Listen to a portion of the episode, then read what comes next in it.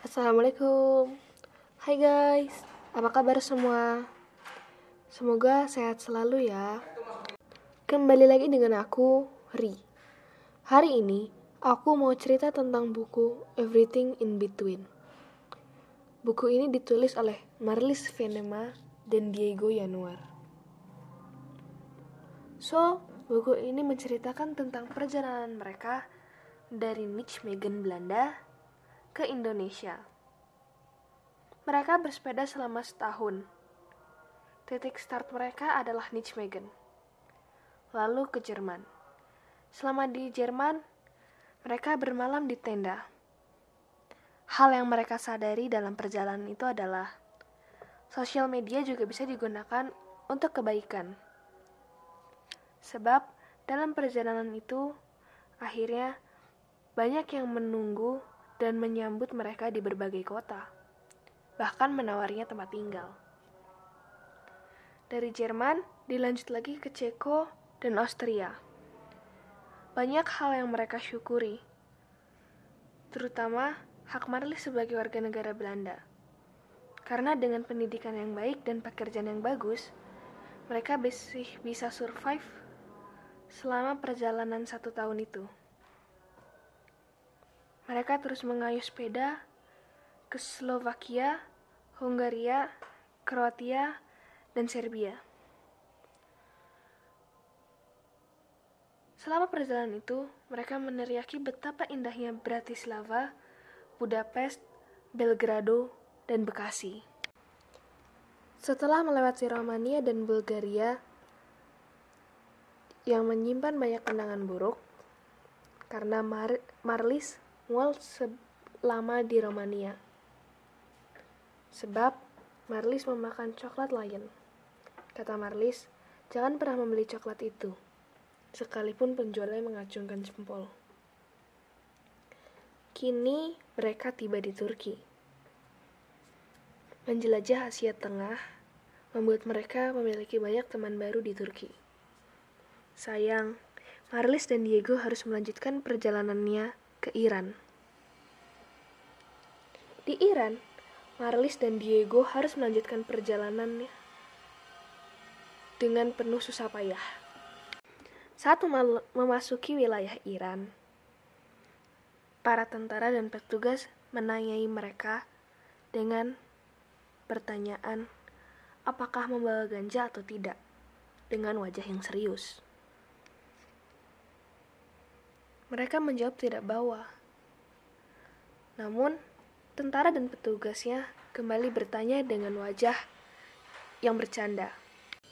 Karena ditanya lagi, mereka pun menganggapnya hanyalah sebuah guyonan. Mereka pun menjawab, Ya, setidaknya 10 kg, jawab Marlis sambil memperagakan seberapa banyak mereka membawa ganja. Para petugas dan tentara langsung merubah air muka mereka menjadi serius. Dan mereka menggeladah semua tas Marlis dan Diego. Bahkan sampai tas dengan penuh baju kotor pun dicari. Selama di Iran, mereka memiliki kebiasaan baru. Karena di Iran, jam makan malam warga setempat adalah jam 11 malam. Dan waktu tidurnya adalah pukul 1 dini hari. Dari Iran, lanjut ke Turkmenistan, Uzbekistan, Tajikistan, dan Kirgizia. Saat di Cina, mereka sempat ditahan karena mereka diduga datang dari Amerika. Laptop, USB, hard disk, juga handphone semua dicek dan dibuka satu persatu oleh para petugas. Namun tiba-tiba mereka diteriaki dan disuruh keluar. Karena mereka keluar dengan tergesa-gesa, mereka lupa mengambil HP-nya. Mereka pun menyuruh tukang tak sopir taksi untuk mengambil handphone di dalam. Setelah kembali, mereka melihat ada aplikasi yang tidak biasa di HP mereka. Saat mereka mencoba uninstall, tidak bisa di-uninstall. Menurut pesepeda lain, itu adalah aplikasi untuk melacak tiap orang. Setelah melewati hari-hari menegangkan di Cina, mereka lanjut ke Vietnam, Kamboja, Thailand, Malaysia, Singapura, dan akhirnya tiba di Indonesia. Yang Marlis suka di Indonesia adalah tidak usah membayar makanan, sebab orang-orang di restoran senang dengan kedatangan Marlis, yang notabene adalah bule.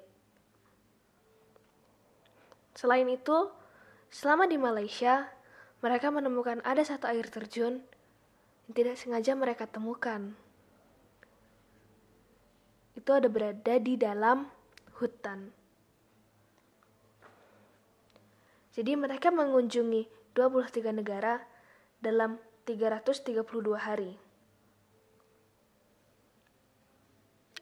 Jaraknya itu adalah 12.237 km dengan sepeda. Jadi buku ini ditulis saat mereka baru tiba di Indonesia. Menurut aku dari skala 1 sampai 10, buku ini aku beri nilai 8 karena buku ini bagus banget dan seru jadi membuat aku pengen nyoba untuk lintas negara bersepeda lintas negara. Walau begitu tetap ada beberapa bagian yang aku tidak setujui. Untuk mengetahui detailnya baca aja buku Everything in Between ya guys.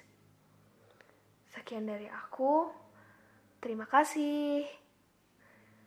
Hope you enjoy See you on my next podcast. Bye bye.